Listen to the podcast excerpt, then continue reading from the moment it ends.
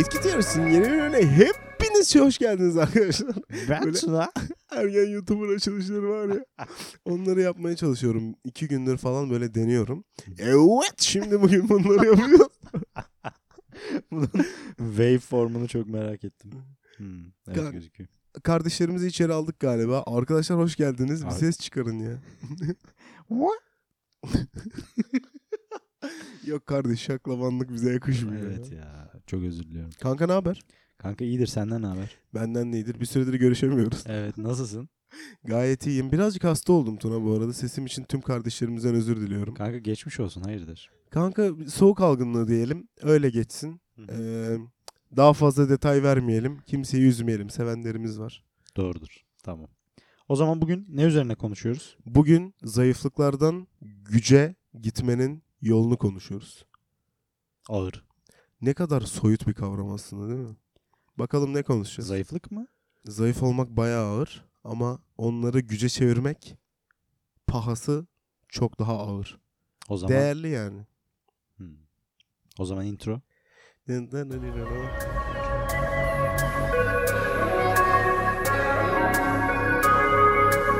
Onun copyright'ı var mı? Değil mi? En kötü o bölümü sildirirler bizi. tamam. Evet, hoş geldiniz. Hoş bulduk. Bizim bir su faturası vardı. ne? su faturası vardı. Sen beni, sen beni içeri almışsın gibi oldu. evet. Şimdi kanka bu bölümü konuşma, konuşalım dedim. Kafamda belli ki bir şeyler var. Evet. Ee, bunları ufaktan böyle masaya yatıralım. Senin görüşlerini de almak istiyorum. Şimdi zayıflıklarımız bazı olayları beceremeyiz. Bazı alanlarda iyi olamayız. Ve bunlar bize kendimizi kötü hissettirir. Bunun benim canımı sıktığını fark ettim. Bazı beceremediğim şeyleri. Sonra bunun neden olduğunu çok da sorgulamadığımı fark ettim. İşte bazıları der ya ben basketbolda iyi değilim. Ben birini dinleme konusunda iyi değilim. Ben sabretmek konusunda iyi değilim. Bu gibi herkesin iyi olmadığı şeyler vardır. Zaten herkes her şeyde iyi olmalı diye bir beyanımız da yok. Ama şöyle bir durum var ki bir şeye yeterince sabır gösterip yeterince vakit tanıyıp hala onda kötü oluyorsan belki de bazı sinyalleri görmüyorsundur. Bazı şeylerde kötü olmamız kendi doğamızın veya bizim uyumlu olduğumuz şeye çok eğilmediğimizi de gösteriyor olabilir. Esas benim aydınlanmam bu olduğu için paylaşmak istedim. Yani kendi doğana uygun hareket etmek, ya kendini bulmak ki bu çok değerli bir şey aslında. Kendini keşfetmek çok uzun bir yol. Ee, ben tabii ki bunu keşfettiğim için söylüyorum demiyorum ama bazı şeyleri yapmayı durduramayız ya. Bazı kişisel özelliklerimiz vardır. Bunlar bizi içine çeker. Bunlar bizim adeta yakamıza yapışır. İşte ben diyorum ki bunları takip etmeliyiz. Yani oldurmaya çalıştığımız, yorulduğumuz şeyleri değil de böyle akışkan, ipek gibi pürüzsüz yaptığımız şeyler muhtemelen bizim doğamıza daha uygun. İlişkilerde de böyle değil midir? Yani çok zorladığın ilişkiler elinde yüzüne patlar. Yani iğrenç şeyler olur. Ama böyle rahat, güzelce e, akmış ilişkiler sana bu dünyada cenneti yaşatır yani. Tam olarak bunları konuşmak istiyorum ben. Anladım, harika. Dediğin gibi yani belki birkaç somut örnek daha verebiliriz. Hani tam çünkü benim de kafamda tam canlanmadı yani. İlk başta bahsettiğin işte o belki de bırakmak lazım dediğimiz şeye nasıl bir örnek verebiliriz? Onları konuşabiliriz. İlişkiler yönünden de zaten biliyorsunuz daha geçen hafta arkadaşlıklardan falan bahsetmiştik. Yani orada işte biraz zorlama olması, işte gerek tanışma yönteminin gerek ilişki esnasındaki ilerlemenin zorlama olması çeşitli problemlere yol açacaktır. Açmak zorunda çünkü yani dediğin gibi bir smooth bir şey yoksa ortada. Ama bir yandan da şöyle de bir şey var. Ee, geçenlerde bir videoda görmüştüm. İşte şey diyorlar. Tutkunuzun peşinden giderek milyarder olmanız çok zor yani. Mesela şey diyor. İşte Çin'de bir tane adam şu an beton ve çelik satarak milyarder. Yani o adamın tutkusu beton ve çelik mi sizce falan gibisinden. Ya onu da ona da bir değinmeye çalışırız. Hı hı. Anlıyorum. Kanka, e, somut örnek demişken aslında e, insan ilişkilerinden ele alabiliriz. Bazı insanlar vardır bir araya geldiğimizde takılırız, zorlanırız, ko- konu bulmaya çalışırız. E peki şun, şun hakkında ne düşünüyorsun? E, şunu nasıl yaptın? veya başka birilerini gündeme almaya çalışırız. Ya Ahmet ne yapıyor diye sorarız. Orada akmıyorsa o kadar. O kişi de muhtemelen bizimle benzer e- enerjileri paylaşıyor demektir. Ve çok da zorlamanın anlamı yoktur. Daha az sıklıkta o kişiyle görüşmek bunun çözümü olabilir. Veyahut sevdiğimizi zannettiğimiz bir hobimiz olabilir. Onu yaparken böyle sürekli acaba bir problem mi yaşıyoruz? Sürekli ya ben bu işte kötüyüm. Ya ben bu işi beceremiyorum. Sürekli böyle bir anksiyetemiz mi var? Veya bunu niye yapıyoruz? Bu tarz soruları sormaya başlamamız önemli olabilir. Ondan sonra e, bu birçok noktada kendini gösterir. Bu arada bölümün adı şey olabilir hani zayıflığı güce çevirmek gibi düşünmüştüm yani ben kafamda ama o da biraz yanlış olabilir. Ben aslında şey diyorum zayıflığı terk et. Hmm. Olmuyorsa muhtemelen tabii ki sen bunun e, kendine dürüst biriysen içinde muhakemesini yapmışsındır. Ve başka şeylere ilerlemen gerekiyor olabilir. Bir örnek daha veriyorum müsaadenle. Tabii ki. Ben kendi özelliklerimle ilgili bazı bazı konularda e, nasıl vakit harcadığımı gözlemlemeye başladım. Bir e, teknik bir konu olsun. E, bu teknik konuyu ilgilenmeye çalışıyorum, öğrenmeye çalışıyorum, uygulamaya çalışıyorum diyelim. Orada bir bir sıkılma hissediyorum. Bazı şeylerin akmadığını hissediyorum. Ama bazı farklı şeyleri yaparken mesela konuşmak ve diyalog kurmak olsun. Burada çok rahat aktığımı, kendimi çok kolay ifade edebildiğimi ve o andan keyif aldığımı fark ettim. E, ben şimdi sayısal bir şeyleri de anlayabilen biriyim demek ki. Ama en çok keyif aldığım şey sayısal bir şey olmayabilir. Belki daha bunların kesişiminde bir nokta bana daha uygun olabilir diye düşünmeye başlamıştım. Her şey zaten e, bunun peşi sıra tetiklendi. Yapmayı durduramadığım şeyler yaparken tökezlediğim şeyleri ele geçirmeye başladı. Bu e, kariyer seçimiyle ilgili de olabilir. E, çünkü çok erken bir tercih yapıyoruz. İşte lisede ya sen bunu yapabiliyorsan o zaman bu ol. Tıp okuyan insanların çoğunun zeki olmaktan dolayı problem yaşadığını düşünüyorum. Yani o insanlar e, daha yüksek bir şey olsa, kendilerine daha uygun bir şey olsa belki daha mutlu olacaklar ama çok küçük bir yaşta bir karar vermeye zorlanıyoruz. Ve bu da aslında daha mutsuz, depresif hayatlar yaratıyormuş gibi hissediyorum. Anladım. Ya şöyle ben az önceki e, ilişki örneğinden girip sonrasında dediğin o teknik kısma biraz daha bağlanmak istiyorum. Şimdi ilişkilerde mesela ikili bir arkadaşlık ilişkisi olabilir veya daha e, romantik bir ilişki olabilir. Burada o enerji uyuşmamazlığında aslında o bir ilişkideki bir zayıflığı bir güce çevirme veya o zayıflığı terk etme noktasında ben şöyle bir düşüncem var. Örneğin o konuşmanın akmayışını gördün. Tabii ki ilk başta olabilir yani. Biriyle yeni tanışıyorsan sen heyecanlısındır, o heyecanlıdır. Muhabbet edecek konu bulamıyorsundur, aklına bir şey gelmiyordur. Ama bir sefer, iki sefer, üçüncü seferde oturduğunda hala bir şeyler veya tam tersi şey de olabilir. O zamana kadar kusursuz bir şekilde ilerlemiş bir ilişki. Atıyorum ikinci yılda sen oturduğunda şeyi fark edebilirsin artık. Ya biz bir şey konuşamıyoruz ki. Veya bu bir arkadaşın olabilir yine dediğim gibi romantik bir ilişki olabilir. Buralarda bu tarz ilişkileri terk edebilmek de aslında çok büyük bir erdem. Sen çünkü orada bir belirli bir alışkanlığını bırakıyorsun. İşte e, yıllardır süre gelmiş bir ilişkiyi bırakabiliyorsun. Orada da aslında kendine şeyi kanıtlıyorsun. Bir takım kırmızı çizgileri ben tölere etmiyorum ve gerektiği yerde yürüyüp gidebiliyorum. Bu da aslında bir özgüven, Öz saygı. öz saygı ve özgüven açısından da bence önemli. Bunu bu şekilde bir e, şeye bağlayabiliriz. Aynı şekilde şeyin de çok fazla örneği var. Teknik kısma geçiyorum şimdi. Örneğin mühendislik okuyup, tıp okuyup bambaşka alanda çok daha başarılı olan yani tıp yani tıp mesleğini yaparak, doktorluk yaparak gelebileceğinden çok daha iyi noktalara gelmiş. İşte ne bileyim dropshipping yaparak yani geçenlerde yine salladığımız örneklerden bir tanesi. Bu olabilir veya influencerlarda tabii ki bu tarz şeyler var. İşte veya adam asıl işi başka bir şey yapıp para kazandığı ve çok başarılı olduğu işi bambaşka bir şey.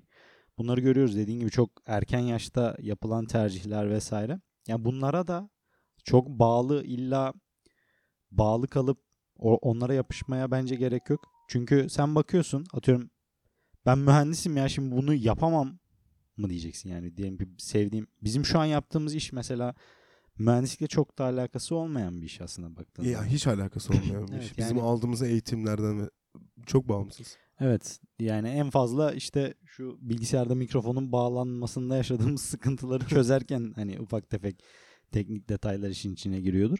Ama onun haricinde daha ziyade sosyal hani konuşma üzerine vesaire bir şeyler yapmaya çalışıyoruz. Hani bu ileride bir kariyere dönüşme olasılığı var tabii ki. Hedefimiz de o yönde. Hani o tarz bir hale gelsin de istiyoruz tabii ki. Hani oradan farklı yönlere de dallanıp budaklanabiliriz. Fakat mühendislikle bir alakası yok. Şimdi bu mühendislikle alakası yok diye biz bu işi yapmayacak mıyız yani? Bırakmamız mı lazım? Hayır. Hı hı. Biz bu şey hiçbir şey olmasa kötü senaryoyu düşünüyorum ki bunu düşünmeye gerek yok ama etki teorisi üzerinden düşünmeyelim. Jetli teorisi diye başka bir projemiz olsaydı da o bir yere gel hani bir yere kadar gelip sonrasında bir şekilde e, başarısız olsaydı orada da ne olacaktı? Bizim bu süreçte bütün kazanımlarımız cebimize kar olarak kalacaktı. Bizim konuşma üzerine yaptığımız çalışmalar veya diğer bütün konular üzerine yaptığımız çalışmalar cebimize kar olarak kalacaktı. Hı hı. Dolayısıyla bir, bir takım şeylere özellikle mutsuzsanız o alanda kesinlikle takılıp kalmamak lazım. Dediğim gibi ilişki örneğinde de verdiğim gibi bazı şeylerden uzaklaşabilmek de bazı şeyleri bırakıp öbür yöne yürüyebilmek de çok büyük bir erdem. Evet aslında çıkış noktamızla yolda bunun aslında ne olduğunu fark etmemiz yaşanıyor şu anda yani aslında bırakabilmek. Tam olarak bundan bahsediyorum ya tam biz etki teorisini yapıyoruz, konuşuyoruz, ediyoruz vesaire ama yani buraya eğer ayakların gelmiyorsa, bu işi yapmayı da sevmiyorsan belki çok doğru bir şey seçmemişsindir. Tam olarak bundan bahsediyorum. O yüzden o meslek seçimi, başka bir şeyde başarılı olma konuları da önemli. Ee, belki şey farkındalığını da yaratmak istiyor olabilirim ya. Şu anda insanlar zorlanıyorsa bazı konularda o sorgulamayı da çok unutuyoruz. Tekrar tekrar kendimize dönüp sormamız lazım. Tabii ki bu yaptığınız her şeyi bırakıyorsunuz. İşte en çok neyi seviyorsunuz onu bulmaya odaklanıyorsunuz. Önümüzdeki 10 yıl bunu yapın. E, Böyle bir kaynak, böyle bir hayat tarzı yok yani. Öyle bir e, Sabancıysan var. Bul ne istiyorsan. Ama e, Asutsan, Alaygutsan daha farklı çözümler bulman gerekecek. Evet. Tam olarak bu noktada insanlara o çağrıda bulunmak istiyorum. Size zor gelen şeylerin ne olduğunu bir düşünün. Daha sonra nelerin size çok kolay geldiğini bulun. Bence kritik nokta bu.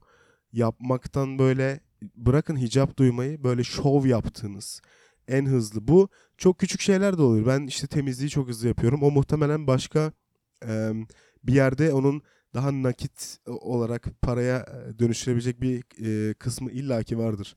Sizin o titizliğinizin, e, de- detaylara dikkat gösterebilme becerinizin. Keza konuşmak, belki fiziksel başarınız, beceriniz olabilir. E, gö- görsel duygunuzun çok güçlü olması olabilir. E, çok iyi işte dizi izliyorum. E, olabilir. Belki de senaryo çok iyi yazacaksın. Belki de e, insanlar arası diyalogları çok iyi e, kavrayabildiğin için e, psikoloji domaininde e, muhtemelen e, bazı becerilerin vardır. Tam olarak bunlara dikkat edersek aslında kendimizi keşfin yolunu açmış oluruz. Senin söylediğin öz saygı, bilinç ve dirayeti gösterebilirsek de bize uygun olmayan şeyleri bırakma e, erdemini de aslında sağlamış oluruz.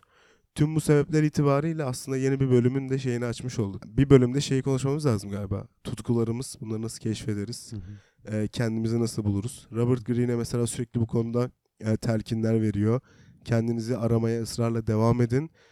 Çünkü 45 yaşınıza geldiğinizde, 30 yaşınıza geldiğinizde e, bazı şeyler için geç olabilir. Orta yaş krizi de zaten bu tarz bir şey galiba diye düşündü 25 yaşındaki Şimdi çocuk. yaştan bahsetmişken ben hemen girip bir istatistiklerden şeye bakmak istiyorum. Bizim dinleyici kitlemizin yaş. Çünkü orada çok genç bir kitle var gerçekten. 25-34 galiba. Ee, 23-27. Engal'ı. Ha, Ee, 23-27. Dinleyicilerimiz bu arada Spotify özelinde sadece bu istatistik var. Dinleyicilerimizin %78'i 23 ile 27 yaşları arasında. Yani Erdem de zaten Apple Podcast'ten dinliyor. O da 23-27. Artı biri daha. aynen Özür yani kanka devam ortalama 25 dersek eğer dinleyici kitlemizin çok büyük bir kısmı tamamı neredeyse. Bu arada kalanlar için de hemen bir hızlıca söyleyeyim. Ben de bu sırada sen bakarken Erdem Çakan ve Öykü Avcı'ya çok teşekkür ediyorum. Soy isim vermeyecektik ama canları sağ olsun. Buradan ikisini de öpüyorum. Ee, e, öyle. Kalan kalan %20 de 18-22, 28-34 yaşlar arasında. Yani Hepimiz genciz işte. hepimiz genciz aynen. Yani bir şeyleri denemek için aslında vakit var. Ülkemizin gerçeklikleri bir tık buna izin vermiyor olabilir. Ama orada da yine dediğim gibi gençliğimizi kullanıp belki de ya en azından ben yine üst perdeden konuşuyormuş gibi olsun istemiyorum. Ben kendi yaptığım şeyden bahsetmeye çalışacağım. Bir yandan da çeşitli diğer şeyleri keşfetmeye çalışmak. Yani bir şekilde bir işimiz var. Kariyerimizde ilerlemeye de çalışıyoruz tabii ki. Ama bir yandan da farklı şeyler denemek işte sporla alakalı olabilir. işte podcast yapmak olabilir. Ya bir sanat dalı olabilir. Bir sanat dalı olabilir. Diğer şeyler olabilir ve başarı ya bunu tekrardan söylemeye gerek var mı bilmiyorum ama başarı parayla alakalı olan bir konu değil. Para başarı değil yani. İstediğin dünyadaki bütün paraya sahip ol ama bence başarı asıl başarı mutluluk ve huzur yani. Yaşadığın hayatta bir şeylerden nefret etmemek bence başarı. Sen eğer Fulfillment. Aynen öyle. Yani sen ayda 1 milyon dolar, ayda 1 milyar dolar kazanıyor olabilirsin ama eğer mutsuzsan e, şu an başarılı mısın yani? Düşün şimdi şöyle bir düşünce deneyi yapalım. Seni Sudan'da bir çukurun içinde, çölün ortasında sadece günde bir, bir bardak su ve bir tabak pilav vererek hayatta kalacaksın. Ama banka hesabına her ay 1 milyar dolar yatacak. Ve atıyorum ayda da 2 gün Harcayabileceğin harcayabileceksin. Seni çıkaracaklar. Diyecekler ki nereye gidiyorsun? Işınlayacağız seni. Gideceksin ve harcayacaksın. Dünyadaki herkesten daha zenginsin. Mutlu musun? olur. Sanmıyorum. Yani muhtemelen mutlu olmazsın. Sanmıyorum. Muhtemelen bu anlaşmayı da kabul etmezsin. Kabul edecek, mutlu olacak insanlar da vardır bu arada. O zaman onlar başarılı olur. Heh, bak bu da güzel örnek. Aynı hayatı, birebir kopya aynı hayatı yaşayıp başarılı ve başarısız olabilecek insanlar var. Çünkü bir insan o hayattan mutlu olur, bir insan o hayattan mutlu olmaz. Sen o hayattan mutlu değilsen sen başarılı değilsin. Yani evet bakış açın aslında senin ya ben şu anda tatmin oldum. Ben şu anda huzurluyum mu e, sağlayamıyorsa sana. Ya zaten paradan öyle bir beklentinin olması da tuhaf ya. İşte şu kadar param olunca mutlu olurum, huzurlu olurum herhalde gibi düşünmeye gerek yok. E, yani aydan aya aynı parayı kazansam da bazı anlar çok tatmin olmuş gibi hissediyorum. Bazı anlarsa çok yetersiz, çok kötü hissediyorum. Tüm bunlar farklı parametreler ama ben aslında değinmek istediğimiz noktayı e, güzel ele aldığımızı düşünüyorum. E, Dinleyen herkese de aslında açık bir çağrı yapmış oluyoruz. E, var mı kanka eklemek istediğin başka bir şey? Kanka eklemek istediğim şöyle bir şey var. Şimdi paradan bahsettik. Para kimisi şey der işte hayat bir oyundur. Parada tuttuğumuz skor falan yani ne kadar paran varsa o kadar başarılısın. Bu arada para şey de olabilir. Tabii ki dünya para üzerine dönüyor. Yani para çok büyük bir motivasyon kaynağı, çok büyük itici bir güç olabilir. Para sembol de olabilir. Yani kimisi için bir şeyleri başardığının sembolü olabilir. Sanırım ben biraz öyle bakıyorum olaya. Hı hı. Benim mesela işte atıyorum kolumda bir Rolex olacak. İşte bir hayalimde bir araba var biliyorsun. Hı hı. Orada ama amaç tamamen şey.